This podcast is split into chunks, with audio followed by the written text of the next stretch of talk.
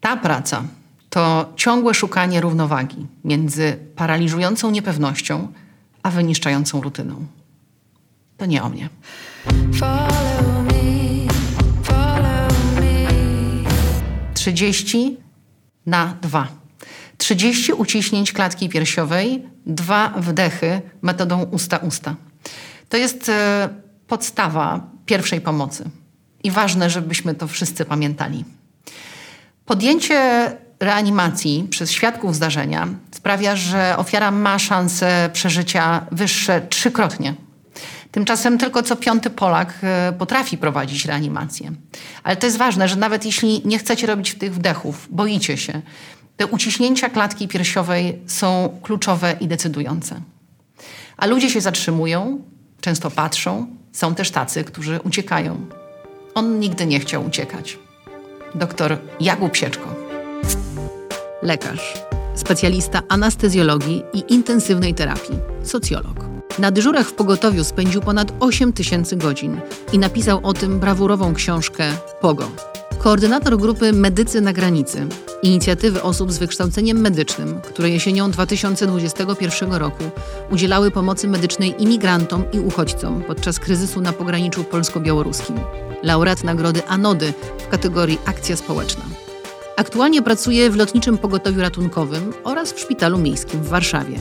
Ma 37 lat, jest mężem i tatą dwójki dzieci.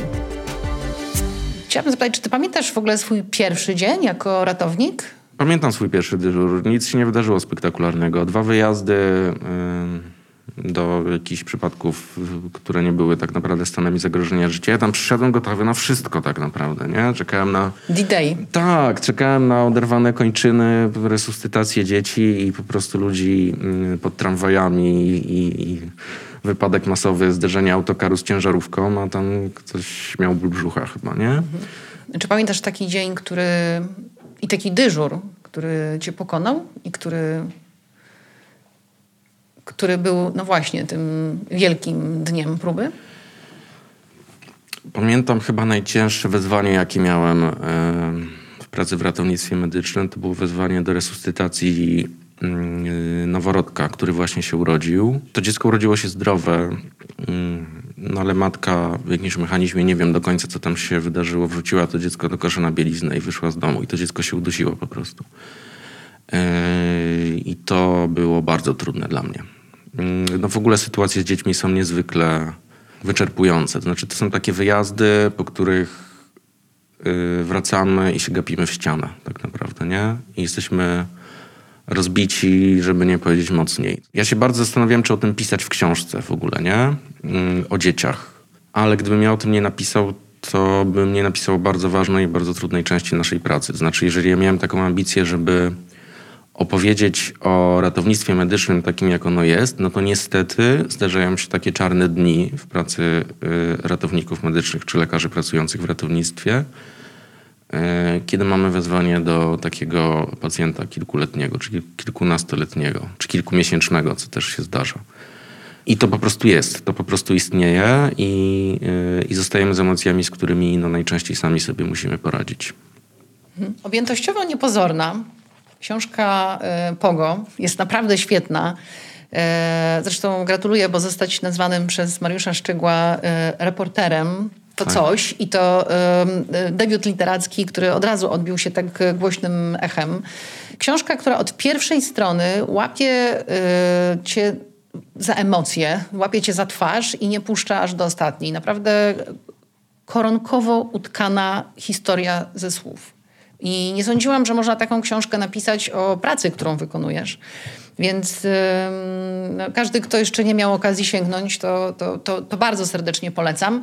Yy, jak ona została przyjęta przez y, Twoich kolegów y, z pracy? Dostaję wiadomości od ratowników czy od ratowniczek medycznych z całej Polski. Yy, no, one są dosyć podobne. To znaczy, że ktoś wreszcie mm, zebrał cały zasób ich doświadczeń i napisał tej pracy y, nie tylko jako o bohaterstwie, y, ale też starałem się, żeby ta książka nie była cyniczna. Bo też jest taki nurt y, pisania o polskiej ochronie zdrowia i w ogóle o polskim ratownictwie z takiego bardzo cynicznego punktu widzenia. Ale to było trudne, bo tu są naprawdę mm, też y, trudne i bardzo mocne treści, które opowiadają o y, zawodzie y, osób zaangażowanych w ratownictwo medyczne. Macie psychologów, którzy wam w tym pomagają?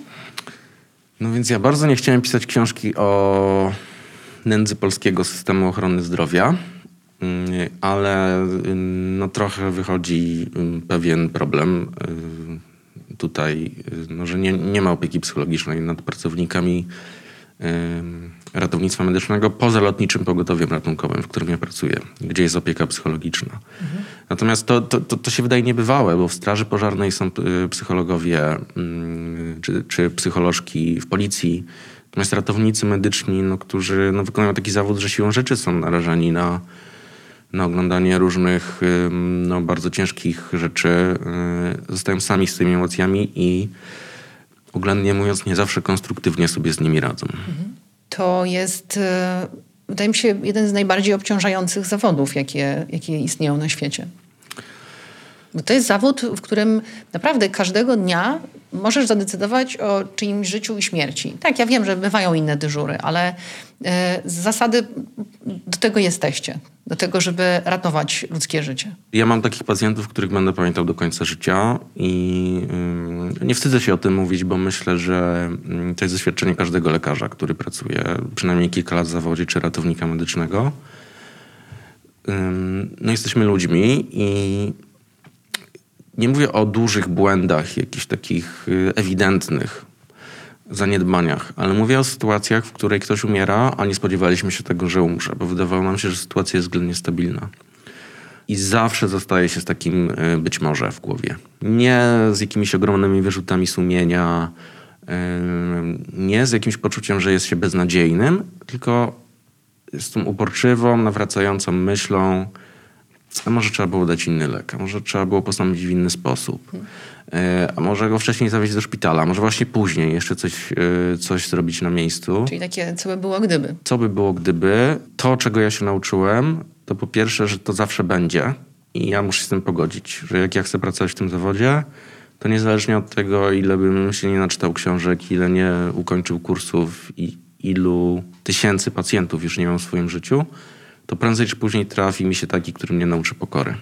I moment, w którym lekarz czy ratownik czuje się zbyt pewnie, to jest niezwykle niebezpieczny moment, moim zdaniem. Znaczy, jak, jak się przychodzi na dyżur i się myśli, że no, jestem w ogóle tutaj takim turbokozakiem, poradzę sobie ze wszystkim, e, co się dzieje, jestem gotowy na każde wyzwanie, wtedy właśnie dostaje się w twarz, nie? Z drugiej strony, nie z tej, z której się spodziewało. Nie, powiedziałeś o tym, co widzicie i czego doświadczacie. Jestem pewna, że to jest takie pytanie, które bardzo często wraca. Co widziałeś? No, widziałem bardzo dużo śmierci. E, różnej, e, godnej i niegodnej, nagłej i przewidywalnej, e, śmierci ludzi starszych i śmierci ludzi bardzo młodych. To pozwolisz, że zacytuję. Widziałem męską głowę, po której przejechał traktor. Widziałem kobiecą głowę, z której wypadło oko. Widziałem ciało, które wsiąknęło w podłogę i skapywało mieszkającym piętro niżej sąsiadom z sufitu. Już na parterze czułem zapach zwłok z mieszkania na czwartym piętrze. Widziałem ze 150 zawałów, 200 udarów. Wypisałem jak notariusz specjalizujący się w nieszczęściach około 300 kart zgonu. Zdejmowałem z szyi pętle z konopnych sznurów. Czytałem kilkanaście listów pożegnalnych. Widziałem zwyczajne umieranie tych, o których śmierci pisano potem na pierwszych stronach gazet. No i widziałem e, nieszczęścia, które się przytrafiają zupełnie niespodziewanie, czyli bardzo wiele, nie wiem, wypadków samochodowych, nagłych udarów mózgu, zatrzymań krążenia na środku ulicy, półtoraroczne dziecko, które wypadło e, z drugiego piętra, ciała, które się rozkładały całe tygodnie czy miesiące w domach, aż wreszcie sąsiedzi e, poczuli, co tam się dzieje. No to... Tak do tego stopnia rozłożone, że nie, nie byłeś w stanie nawet stwierdzić tak. płci. No co się musi wydarzyć, żeby ktoś zmarł i przez kilka miesięcy nikt się nie zorientował, że ten ktoś nie żyje? To, to, to znaczy, to musi być ktoś, kto nie ma już żadnych, mm, żadnych więzi, żadnych interakcji społecznych. Najczęściej to są starsze osoby. Dużo jest takich sytuacji? W ogóle dużo jest samotności w Polsce i, i, mm, i praca w pogotowiu daje dosyć unikatowe doświadczenie zajrzenia no jakby pod podszewkę miasta, znaczy mm, zajrzenia za te piękne fasady kamienic, nie? czy zobaczenia jak wygląda miasto, nie to ze śródmieścia, z modnych knajp, yy, czy z ruchliwych ulic, ale na przykład yy, właśnie zobaczenie życia starszych, samotnych ludzi, dla których telefon na pogotowie często nie jest sposobem na to, żeby rozwiązać problem zdrowotny, tylko jest pomysłem na to, żeby wejść w jakąkolwiek interakcję z kimkolwiek. No więc oni nas bardzo próbują um, zatrzymać. Y, Jak bardzo? No na przykład wymyślają nam różne zadania albo mają różne prośby, żeby tam, nie wiem, telewizor im y, podregulować, albo kaloryfer odpowietrzyć, albo tam, nie wiem, z Naprawdę? pieskiem wyjść. Tak, no tak, tak. Mhm. Ja się uważam za introwertyka trochę i mnie interakcje z ludźmi na dłuższą metę wyczerpują, tak? Tym zawodzie? Czy to możliwe, żeby być no, introwertykiem, a być narażonym cały czas na kontakt no, z ludźmi? Proszę pamiętać, że jestem anestezjologiem też, nie? To e, być może nieprzypadkowo. E, teraz większość moich pacjentów śpi. Ale wiesz, anestezjolog to jest bardzo wyjątkowa specjalizacja. E, I wcale się nie zgodzę, że tak możesz odciąć się emocjonalnie od pacjenta, co tutaj trochę sugerujesz, ponieważ ja z moich wszystkich operacji, ja miałam sporo narkos w swoim mhm. życiu, o, ostatnia osoba, którą pamiętam i pierwsza osoba, którą tak. widzę, to jest właśnie anestezjolog. Nie, tak, znaczy nie, ja, ja, ja nie chcę powiedzieć, że anestezjolog nie wkłada mm, serca w swoją pracę. Ale czy... to jest słuchaj, kluczowo ważne. No ja pamiętam tę twarz pochylającą się nade mną i pamiętam nawet, że tak strasznie się bałam, że zapytałam Panie doktorze, czy może mnie pan podtrzymać za rękę? Y, ja naprawdę tego bardzo potrzebowałam. Tego, tego podtrzymania za rękę, kiedy odliczał, tak, żebym, żebym już zasnęła do operacji. A potem budzimy się, więc y, wydaje mi się, że to jest właśnie niesamowity zawód. To jest taki moment, że przez, przeprowadzasz kogoś trochę na pół do innego świata, choć zdarza się jej, że pacjent się nie budzi, a potem przywracasz go znów e, do tej rzeczywistości. No jest takie, takie zdanie, że znieczulenie ogólne, czyli narkoza, to jest stan pośredni pomiędzy życiem a śmiercią i dlatego należy traktować je bardzo poważnie. Mm, no ludzie też mają bardzo dużo różnych rzeczywiście lęków związanych ze znieczuleniem ogólnym, no bo to jest takie absolutne oddanie kontroli nad swoim ciałem innej osobie. Takie no, rzeczywiście y, totalne tak naprawdę. Znaczy na, na nic nie mam wpływu wtedy. Mm, no ale y, w Polsce anestezjolodzy pracują też na oddziałach intensywnej terapii. Tak? To, to, to też warto powiedzieć. To jest y, trochę inny rodzaj pracy, inny rodzaj pacjentów. Mm, chorzy w najcięższym stanie, y, no często rzeczywiście nieprzytomni.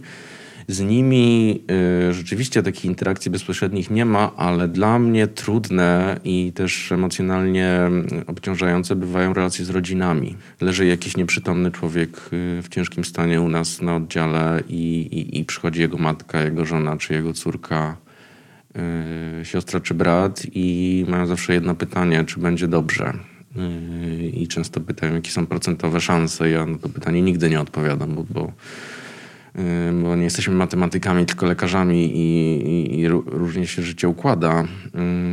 Ty w ogóle podkreślasz, że nie wolno mówić nigdy, że będzie dobrze. Znaczy, jeżeli już jest taka sytuacja, w której u kogoś jest karetka, to już nie jest dobrze.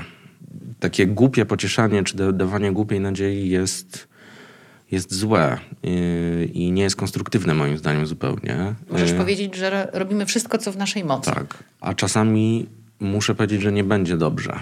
I warto to też powiedzieć yy, rodzinie, na przykład w trakcie resuscytacji, yy, czy rodzinie pacjenta ciężko chorego, czy umierającego na oddziale intensywnej terapii, że wszystko wskazuje na to, że pani, nie wiem, mąż, brat, ojciec umrze.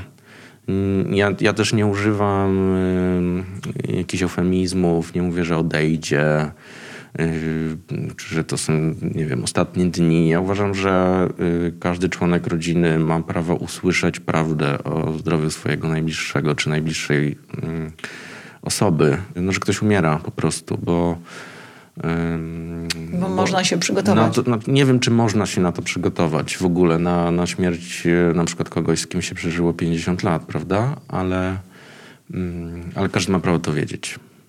Nie mam poczucia też po pracy w pogotowiu ratunkowym, że każda śmierć to jest tragedia. Nie jest tak. Są śmierci, które są e, po prostu naturalną mm, częścią naszej egzystencji. E, I no, ta praca to jest takie memento mori w twarz, które się dostaje po prostu kilka razy w tygodniu, nie? że zobacz, umrzesz. Będziesz jakby w tym samym miejscu, w którym e, teraz jest ten ktoś. Trzeba to przyjąć z pokorą, że tak wygląda jakby ścieżka naszego życia. Próbuję to objąć rozumem i zastanawiam się, jak jak można funkcjonować w tym zawodzie, ale jeszcze bardziej się zastanawiam, jak powiedzieć komuś, że, mm, że najbliższa ci osoba nie żyje. Jak zrobić to dobrze? Zastanawiam się, jak powiedzieć matce, że jej dziecko nie żyje. Nie da się tego powiedzieć tak, żeby ta osoba nie poczuła się obciążona tragedią, która właśnie spotyka, ale da się to zrobić źle. E, na pewno. Znaczy da się tę sytuację dużo bardziej pogorszyć i mój plan minimum e, jest taki, żeby tej sytuacji przynajmniej nie popsuć. Ja uważam, że nie można powiedzieć nic mądrego osobie, która właśnie straciła kogoś najbliższego. Nie ma takich słów, które by sprawiły, że kogoś pocieszę. Jestem obcym w gruncie rzeczy facetem, który tu przyjechał ubrany na pomarańczowo i mam y, jakieś kompetencje do tego, żeby stwierdzić, że no, współczesna medycyna nie ma temu komuś absolutnie już nic do zaoferowania, że to jest po prostu koniec. Y, I ja mogę powiedzieć takiej osobie, bardzo mi przykro, proszę pani, y, pani mąż czy pani syn, pani brat zmarł. I milczeć. Umiem stwierdzić zgon, a potem milczeć. Przed przyjęciem do pracy w pogotowiu powinni robić kursy milczenia. Dzisiaj nauczymy się milczeć z godnością i ze współczuciem, z niezachwianą pewnością rozpoznania, ale i wspierająco. Powinien być taki przedmiot na studiach kolokwia z milczenia. Testowałem już absolutnie każde zdanie, które można wypowiedzieć w takiej sytuacji. Rekomenduję milczenie. Opisałeś to w książce y, bardzo przemująco, wspominając y, o tym, że rekomendujesz milczenie i nazwałeś sam siebie tekturową figurą. Mhm. Dlaczego? No bo jest taki moment w pracy w ratownictwie medycznym, że jest za dużo po prostu. Za dużo emocji, za dużo interakcji, za dużo tragedii.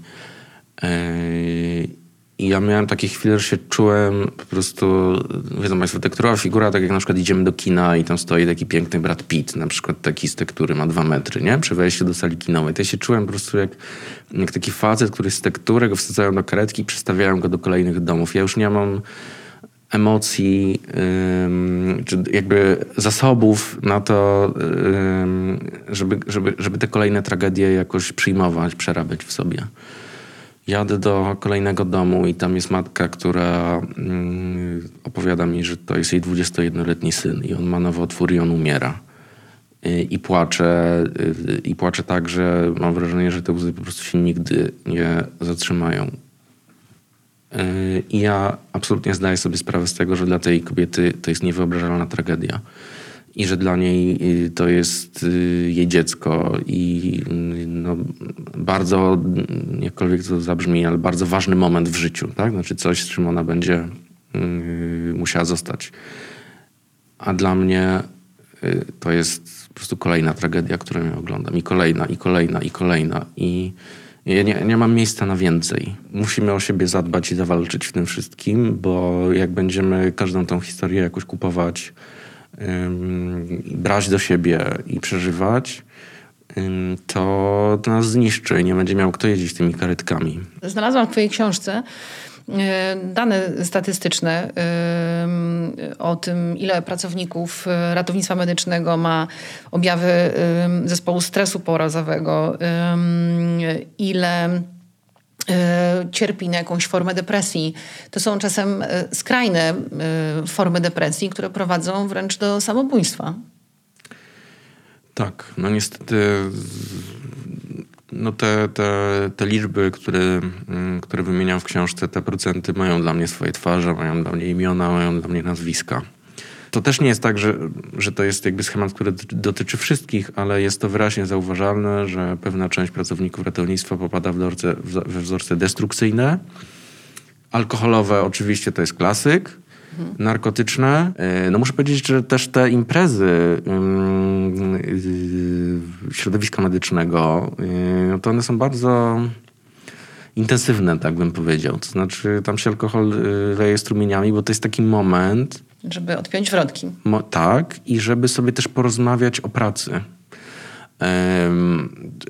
bo nie rozmawiamy z psychoterapeutami, tak? Jak wiemy, że nie ma opieki psychologicznej nad, nad, nad pracownikami systemu. I to jest charakterystyczne, że się siada, ta flaszka jest na stole, e, wypijemy trzy kolejki i rozmawiamy godzinę, drugą, trzecią, czwartą o trudnych przypadkach, o tym, kogo w pracy szanujemy, a kogo niekoniecznie, o tym, co nam to robi z głową, o tym, że już chcemy odejść i mamy tego wszystkiego dość, o tym, że kogoś się uratowało i to było fantastyczne i, i, i to jest y, doskonałe y, doświadczenie życiowe. Mm, no to jest taki moment męskiego oczyszczenia, tylko... Y, męskiego, bo kobiet mało. Tak, bo kobiet mało.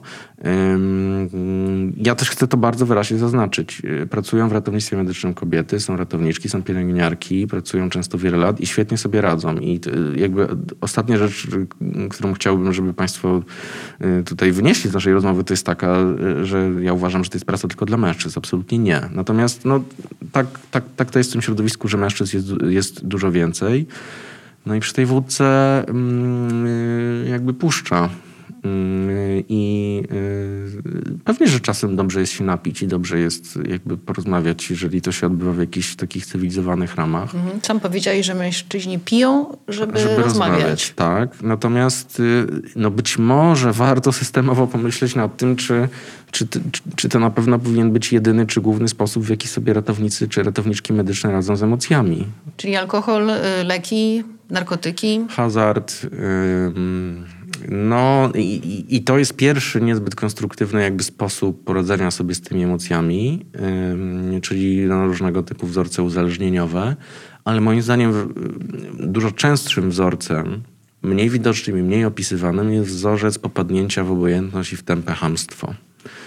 Yy, jak Państwo byli kiedyś y, w polskim szpitalu yy, albo wzywali pogotowie, y, to wiedzą Państwo, że no nie jest regułą, oględnie mówiąc, że spotka się sympatycznego, uśmiechniętego, ciepłego pracownika systemu. I narzekamy na to. I narzekamy na to. Nie rozumiejąc szerszego kontekstu. Tak, no, szerszy kontekst jest taki, że, ci, że, że to nie jest tak, że rekrutuje się do, do, do szpitali tylko tych najbardziej hamskich. Yy, najbardziej sfrustrowanych, zmęczonych tak, i wypalonych. Tylko po prostu ten system no, obciąża tak bardzo i tak mało wspiera i tak mało dba o równowagę szeroko rozumianą, psychiczną, fizyczną, nie wiem, równowagę snu ludzi, yy, no, że oni po prostu się wypalają zawodowo niezwykle szybko i, i to jest frustru- ja, ja rozumiem, że to jest frustrujące dla pacjenta, że się jest po prostu tak pernoga potraktowanym na dzień dobry, a przychodzi się z jakimś realnym problemem zdrowotnym. E, no tylko za tym stoi dłuższa i bardziej skomplikowana historia niż y, tylko to, że ktoś po prostu postanowił dzisiaj być niemiłym, czy, czy wstał lewą nogą. No i jest też taki wzorzec, i to jest trochę mój wzorzec, y, że się po prostu odchodzi z tej pracy po pewnym czasie. Ja się zorientowałem po tych sześciu latach w ratownictwie, w karetce, że to mnie zniszczy, że to mnie zje po prostu i że ja muszę odejść z pracy w ratownictwie medycznym, bo y, jakkolwiek bardzo lubię jeździć tymi karetkami czasem, no to już mi się zyski ze stratami przestają bilansować. Jak to szybko y, następuje, jak obserwujesz kolegów, koleżanki? No myślę, że pięć lat to jest mniej więcej taki czas, y, w którym ktoś może w tej karetce wytrzymać, co jest strasznie głupie z systemowego punktu widzenia, bo przecież mamy człowieka... Szkolenie tak, takiej osoby. Tak, mamy człowieka, który ma powiedzmy 28, 30, 32 lata. Jest w takim momencie życia, że jest sprawny fizycznie, bo jest stosunkowo młody. Że już jest doświadczony, bo ileś rzeczy zobaczył. Yy, I system po prostu tych ludzi traci wtedy. Wtedy, jak oni są najlepsi. Było nas 15 na zmianie jednej teoretycznie. Hmm. Chyba dwóch zostało, może trzech. Tak?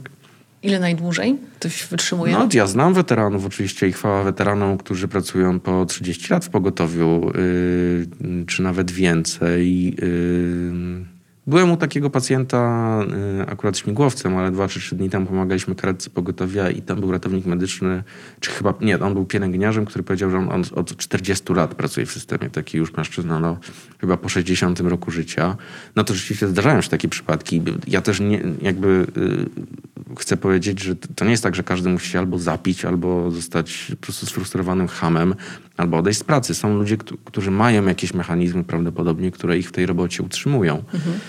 Natomiast no, to nie jest tak, że, że, że, że to powinien być wyjątek od reguły. Tylko regułą powinno być to, że po pierwsze przestrzegamy tego, żeby taki człowiek e, mógł się wyspać, żeby lepiej zarabiał, to by po prostu mógł mniej pracować, żeby zadbać o jego opiekę psychologiczną. To ten system e, by lepiej działał byśmy bardziej zadbali o tych ludzi, ale też jakby każdy, mm, każdy z nas, y, każda z Polek i każdy z Polaków by na tym zyskał, bo po prostu byśmy mieli lepiej wyszkolonych pracowników ratownictwa medycznego, bardziej zmotywowanych.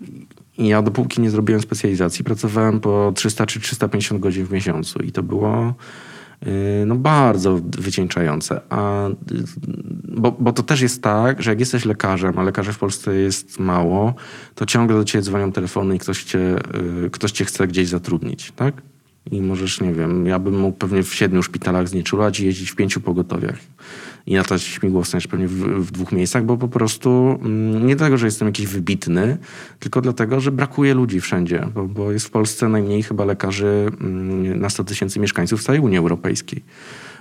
Więc ja bym mógł dużo pracować i dużo więcej zarabiać pewnie pieniędzy, ale jakby stwierdziłem, że ten moment, w którym ja zdaję egzamin specjalizacyjny, jestem tym anestezjologiem i, yy, i mogę pracować ile chcę, to jest moment, w którym ja będę pracował 170 godzin w miesiącu. Ja się tego trzymam od roku i moja jakość życia wzrosła wielokrotnie.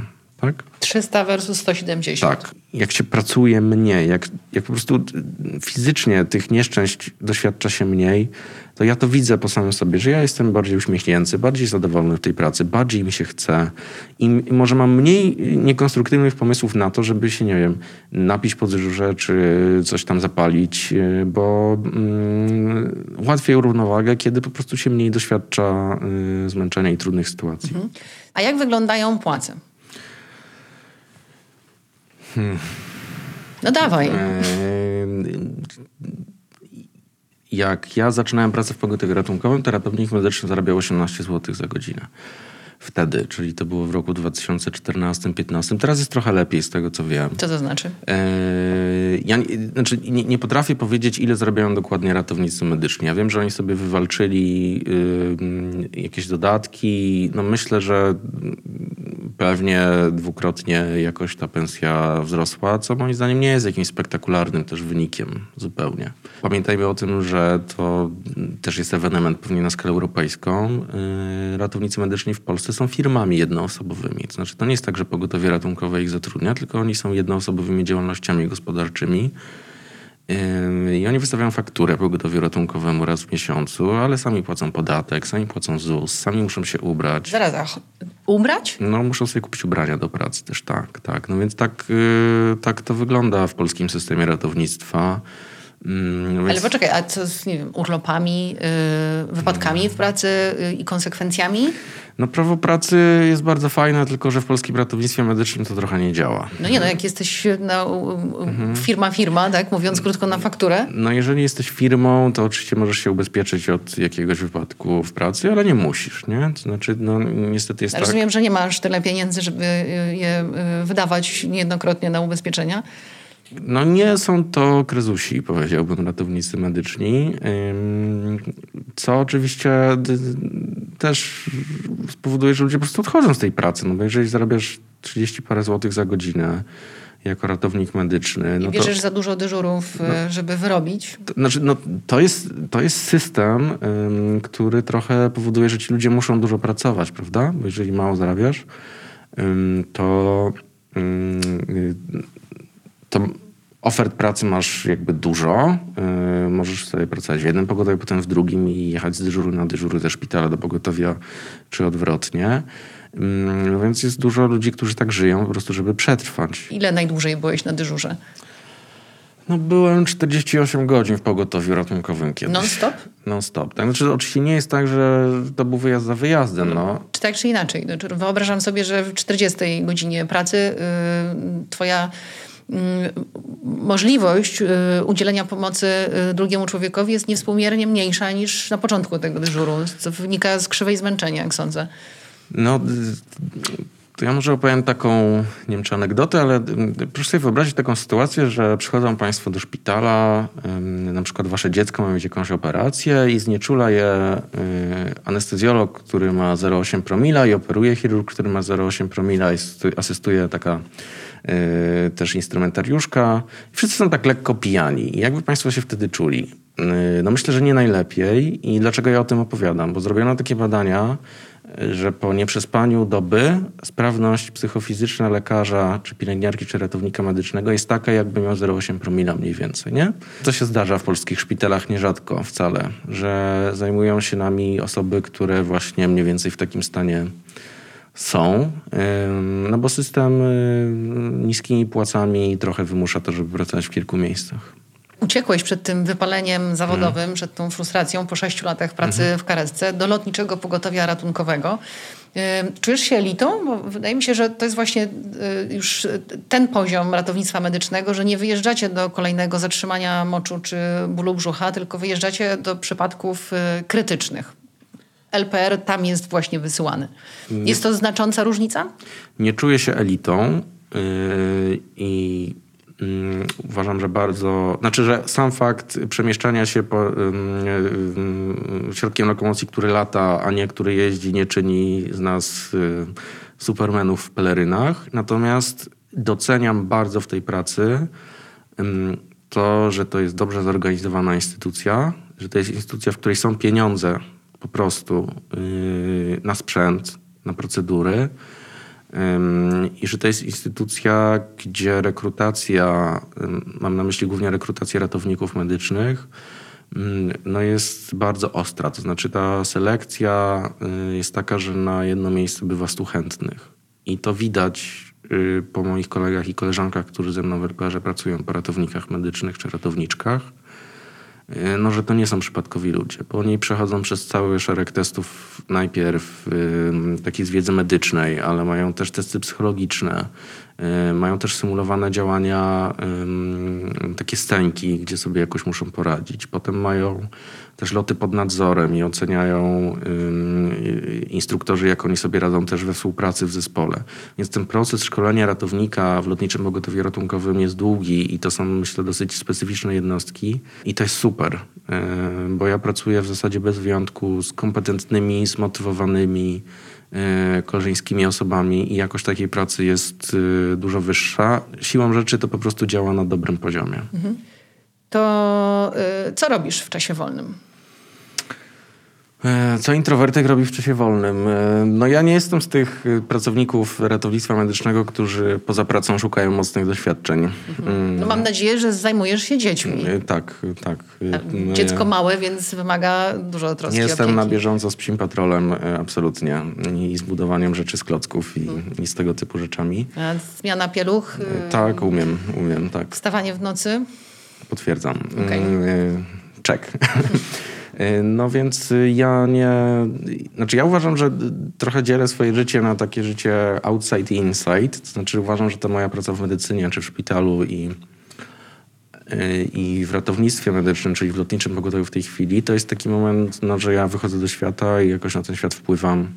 Obcuję z ludźmi też dużo i właśnie wchodzę w te interakcje, a potem jak mam moment, w którym nie pracuję, to się muszę schować trochę do bunkra takiego swojego i sobie posiedzieć trochę sam ze sobą i sobie jakoś uporządkować myśli, e, poczytać, obejrzeć filmy, pójść na spacer, pobawić się z dziećmi. Mm, no nie, nie jest to spektakularne też, ten mój czas wolny. Jakoś dosyć e, nudno on pewnie wygląda z boku, ale bardzo mi daje... Mm, znaczy zaspokaja taką moją potrzebę no powiedziałbym takiego namysłu. Mhm. Ja to nazywam u siebie wilczą norą. Tam się zagrzebuję, wylizuje rany, analizuję, zbieram siły. Czyli no. mamy podobnie. Tak. Ale y, wiesz, jak y, na twoją potrzebę mm, jednak zaszywania się i samotności, to ty podejrzanie dużo y, aktywności podejmujesz w czasie wolnym, aktywności zwi- znów związanych z pomaganiem innym ludziom, bo i protest lekarzy rezydentów to był twój wolny czas i przede wszystkim powołanie grupy mm, medycy na granicy, która niosła pomoc Y, ofiarom kryzysu humanitarnego na granicy polsko-białoruskiej. To był twój czas wolny, Kuba, więc jak to jest, że masz tak ciężko w pracy, a po pracy podejmujesz się znów ratowania ludzkiego życia. Bardzo dużo musiałem w bunkrze po akcji Medycy na granicy siedzieć. To prawda, że, że, że to, to było bardzo intensywne i wyczerpujące. Pewnie jedne z jedno z najintensywniejszych doświadczeń w moim życiu. No, um... Między 7 października a 15 e, listopada pomogliście łącznie 200 osobom. Stanowiliście grupę 9 osób, tak, które poświęciły swój czas, energię, yy, yy, wszystkie swoje zasoby i talent e, do tego, żeby być tam, gdzie inni, no, jedni nie chcieli, a inni nie mogli być. Mhm. No, dziewięć osób to była ta, taka grupa jakby zarządzająca całą akcją, a razem to było nas tam ponad 40 osób, pracowników no, systemu ochrony zdrowia, le, lekarze, lekarki, ratownicy, ratowniczki czy, czy pielęgniarki. Było to doświadczenie obcowania w świecie, który stracił reguły, podobnie jak w pandemii. Nie? W, w pandemii był taki moment, że brakowało respiratorów na przykład dla pacjentów. Y, no to podobnie było mm, trochę y, na granicy polsko-białoruskiej, że reguły cywilizowanego świata, na przykład taka reguła, że nikt nie może umrzeć w polskim lesie, albo że każdy człowiek w stanie zagrożenia zdrowia y, może trafić do szpitala i to będzie dla niego bezpieczne miejsce, a nie miejsce, do którego wejdzie Straż Graniczna, wyciągnie tego człowieka ze szpitala i go wywiezie za druty na Białoruś, gdzie strażnicy graniczni go potem poszczują psami, a kobiety zgwałcą albo będą razić prądem, bo przecież to się dzieje. tak, taka jest rzeczywistość i takie są realia. No ten świat stracił reguły. Nam nie chodziło o to, żeby każdy człowiek, który znalazł się na pograniczu polsko-białoruskim, miał prawo osiedlić się na terenie Rzeczypospolitej Polskiej. My się nie wypowiadaliśmy w tej sprawie ale chcieliśmy, żeby przestrzegać prawa. To znaczy, po pierwsze, żeby każdej osobie w stanie zagrożenia zdrowia i życia udzielić pomocy medycznej, y, czego polskie państwo nie robiło, a po drugie, żeby taki człowiek miał prawo, żeby jego procedury odbywały się zgodnie y, z prawem międzynarodowym. Ja spotkałem się mm, z przedstawicielami y, UNHCR-u, czyli agendy ONZ odpowiedzialnej za sprawy uchodźcze. Spotkałem się mm, z przedstawicielami Międzynarodowej Organizacji do Spraw Migracji i oni wszyscy mówili wprost o tym, że to, co się odbywa na pograniczu polsko-białoruskim jest ewidentnym złamaniem y, któregoś tam z punktów y, konwencji, którą ratyfikowała Rzeczpospolita Polska. Konwencji genewskiej. Tak. Mhm. Chciałabym e, też e, oddać głos tym, którzy, e, którzy pracowali z Tobą. Jak wspominają ten okres? Czego się nauczyli? I co im to dało? Ten moment, kiedy dostali jedzenie i, i jedli. I jedli szybko, łakomie, cokolwiek, nie pytając co to, skąd to, wielokrotnie przy tym dziękując za to, że mogą coś w końcu zjeść. Około trzeciej, czwartej w nocy. Temperatura na pewno poniżej 10 stopni Celsjusza. I te dzieci dwu, trzyletnie siedzące przy ognisku, malutkim ognisku, próbujące się ogrzać. Nauczyła mnie ta akcja niesamowicie dużej ilości pokory. Nie wchodzenia w dyskusję, udzielania pomocy. Wszyscy powinniśmy pamiętać o tym, że to w jakim miejscu się urodziliśmy i w jakich czasach jest niezależne od nas. I że kiedyś to my możemy znaleźć się po drugiej stronie barykady i potrzebować pomocy od kogoś, komu będziemy się wydawać inni i obcy. A co to dało Tobie? Dała mi ta akcja takie przekonanie, że granica praw człowieka nie przebiega, mm, nie przebiega na Bugu tylko na Odrze raczej niestety, że, że, że, że Polska jest jakoś, jakoś jeszcze pomiędzy. Mm. Gorzkie słowa. Natomiast y, dała mi też coś dobrego, to znaczy dała mi też takie poczucie, że y, Czesław Niemen śpiewał, że ludzi dobrej woli jest więcej, w to akurat nie wierzę, ale jest ich trochę. Znaczy, że jest trochę osób, które chciały y, naprawdę poświęcić swój czas, swoją energię, kawałek swojego życia na to, żeby pomóc tym, nad którymi nikt inny się nie chciał pochylić. Kłaniam się, jak to mówią, czapką do ziemi po polsku przed Fundacją Ocalenie, przed organizacjami z Grupy Granica, przed Warszawskim Klubem Inteligencji Katolickiej, przed um, mieszkańcami terenów lokalnych. Jest też kilka takich znanych postaci. Nie chciałbym tu, żeby jakieś nazwiska padały, bo nie chciałbym o kimkolwiek zapomnieć. E, stworzyły się z tego bardzo bliskie więzi, yy, pewnie przyjacielskie czasem też. Mm, bardzo dużo nam też dały, i to może tu się odniosę trochę do tego tematu opieki psychologicznej, spotkania z psychoterapeutkami, które mieliśmy raz w tygodniu na Zoomie.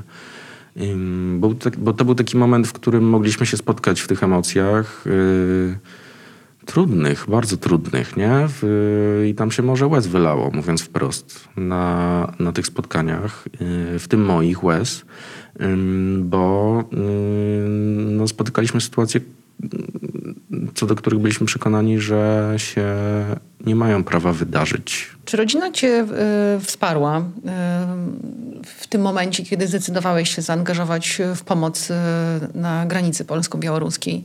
Próbuję policzyć, ale domyślam się, że twoja żona wtedy była w ciąży.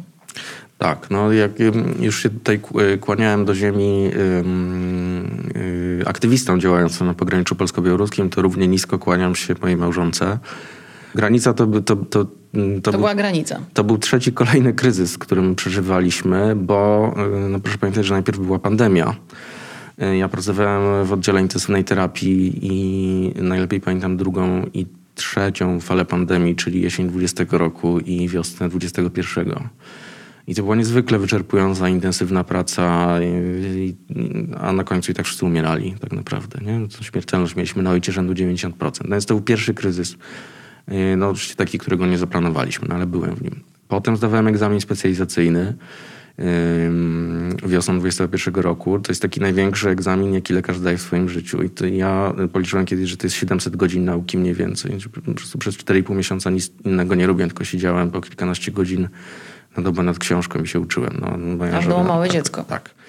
To w ogóle jest chyba doświadczenie bardzo wielu aktywistów. Jeżeli ma się rodzinę, to to jest jej kosztem. No po prostu nie da się yy, tak funkcjonować przez długi czas yy, bez ponoszenia kosztów przez najbliższe nam osoby i y, to też są trudne dylematy, prawda? Na ile muszę zadbać, nie wiem, o moją żonę, czy o mojego męża, czy o moje dziecko, relacje z nim, a na ile muszę zadbać o człowieka, Y, który jest na drugim końcu świata i potrzebuje pomocy, czy, czy za wschodnią granicą, tak? Ale no, ja uznałem, że no moje zasoby, i, a, a pewnie jeszcze bardziej zasoby mojej rodziny się skończyły i teraz muszę też po prostu pojeździć dzieckiem do przedszkola i, i spędzić z żoną wieczór. I, no bo, no bo ona też się nie pisała na to, żeby co chwilę być w jakimś kolejnym kryzysie słowa y, wielkich podziękowań dla y, Twojej żony, y, dla żon, mężów, dla partnerów, wszystkich osób, które wybierają taką trudną ścieżkę życiową. Moja żona nie jest związana z medycyną zawodowo i ja to bardzo cenię. To znaczy, uważam, że do, dobrze jest pamiętać o tym, że są inne dziedziny życia i że życie nie składa się tylko z udręki, z nieszczęścia i i, i z kryzysu na jednej czy na drugiej granicy i z umierania w pogotowiu, czy umierania na oddziale intensywnej terapii, że ma też swoje pogodniejsze strony. Też jest tak, że jeżeli chodzi o pracę w ratownictwie, no to ja mam też doświadczenie yy, uratowania kilku życi. To jest piękne doświadczenie, nie? Znaczy mam yy, takie historie, że yy, że ktoś przeżył i funkcjonuje i sobie mm, dobrze żyje i to też trzeba o tym pamiętać, że są takie jasne momenty w tej pracy i potem się do nich wraca. Co dalej? Smuga cienia, emerytura i dom na Wyspach Kanaryjskich. No nie, pewnie nie. Mm. No zależy, to jest lotnicze pogotowie ratunkowe. Zależy o co pytasz, o pracę, o książki. w szpitalach. Y, y, jest książka, którą promujesz. Robisz kawał dobrej roboty, uważam, dla całego środowiska medycznego, mhm. pokazując, jakie są kulisy tej pracy. I przyznam też szczerze, że ja jako pacjentka inaczej od tego momentu będę patrzeć na, na tych ludzi, których spotykam po drugiej stronie, Mhm. na ostrym dyżurze, w karetce, e, którzy mm, poświęcają e, mnóstwo pracy i energii, żebyśmy my mogli czuć się choć trochę bezpieczniej. E, więc to jest naprawdę kawał dobrej roboty, którą zrobiłeś. No dobrze, ale co dalej? Wiesz, bo to, ty, tytuł tego y, kanału to dalej, bo zawsze zastanawiam się, co jest za kolejnym zakrętem, za kolejnym wzgórzem, y, a co jest za twoim kolejnym zakrętem? No jestem ciekawy, jakbyśmy się spotkali trzy lata temu, jakbyś mnie spytała, co dalej, to zapewne nie, nie przewidziałbym, że mm, będzie COVID i, mm, Granica. i granica. No, książka już tam się pisała, to może o tym, o tym bym powiedział. Ja nie wiem, czy ja kiedykolwiek jeszcze coś napiszę, bo musiałbym przeżyć coś emocjonalnie podobne do tego. Mam jakieś pomysły, może dwa na jakieś książki, ale ja y, i mówię to najszczerzej, nie wiem, czy one się zmaterializują. Znaczy, jeżeli okaże się, że to jest jedyna rzecz, którą ja napisałem w życiu, y, to będzie ok. Chcę być lekarzem dalej niezmiennie i, i pomagać ludziom, bo, mm, bo ta praca, pomimo tego, że tak ciężka, y, nadal sprawia mi przyjemność. I, i, jakby cały zasób trudnych doświadczeń i cała nędza systemu polskiej ochrony zdrowia jeszcze nie zabiła we mnie radości związanej z tym, że jakby czyjś status zdrowotny się poprawia dzięki temu, że ja też z jakimś zespołem. To, jest niezwykle ważne w ogóle w medycynie, że nie, niewiele rzeczy się robi samemu, tylko zawsze z jakąś ekipą coś zrobię i to jest y, zawsze satysfa- satysfakcjonujące i fajne. I pewnie życie mnie czymś zaskoczy. Nie wiem, kolejną rzeczą, y, której się teraz nie spodziewamy. A jak nie, to będę sobie spokojnie siedział w moim bunkrze metr na trzy, czytał książki, chodził do pracy i może jeszcze coś napiszę i też będzie bardzo dobrze. Rozmawialiśmy dzisiaj o milczeniu, o tym, jak ono jest czasem ważne i potrzebne. Yy, nigdy tyle nie milczałam podczas żadnej rozmowy. Chyba cała sztuka polega na tym, żeby nie przeszkadzać ci w mówieniu. Bardzo mi było miło, przepraszam, jeżeli e, zagadałem e, temat. Nie, to było bardzo, bardzo ale miło. po Miło było milczeć i ja- ciebie słuchać. Ja się tak dobrze i swobodnie tu czułem, że sobie po prostu mówiłem. Dziękuję. E, Ja Ci bardzo dziękuję. Ta esencja, którą e, zamieściłeś w tej książce jest absolutnie imponująca, więc polecam lekturę książki, a Tobie dziękuję za spotkanie e, i do zobaczenia na kanale dalej. Dziękuję bardzo.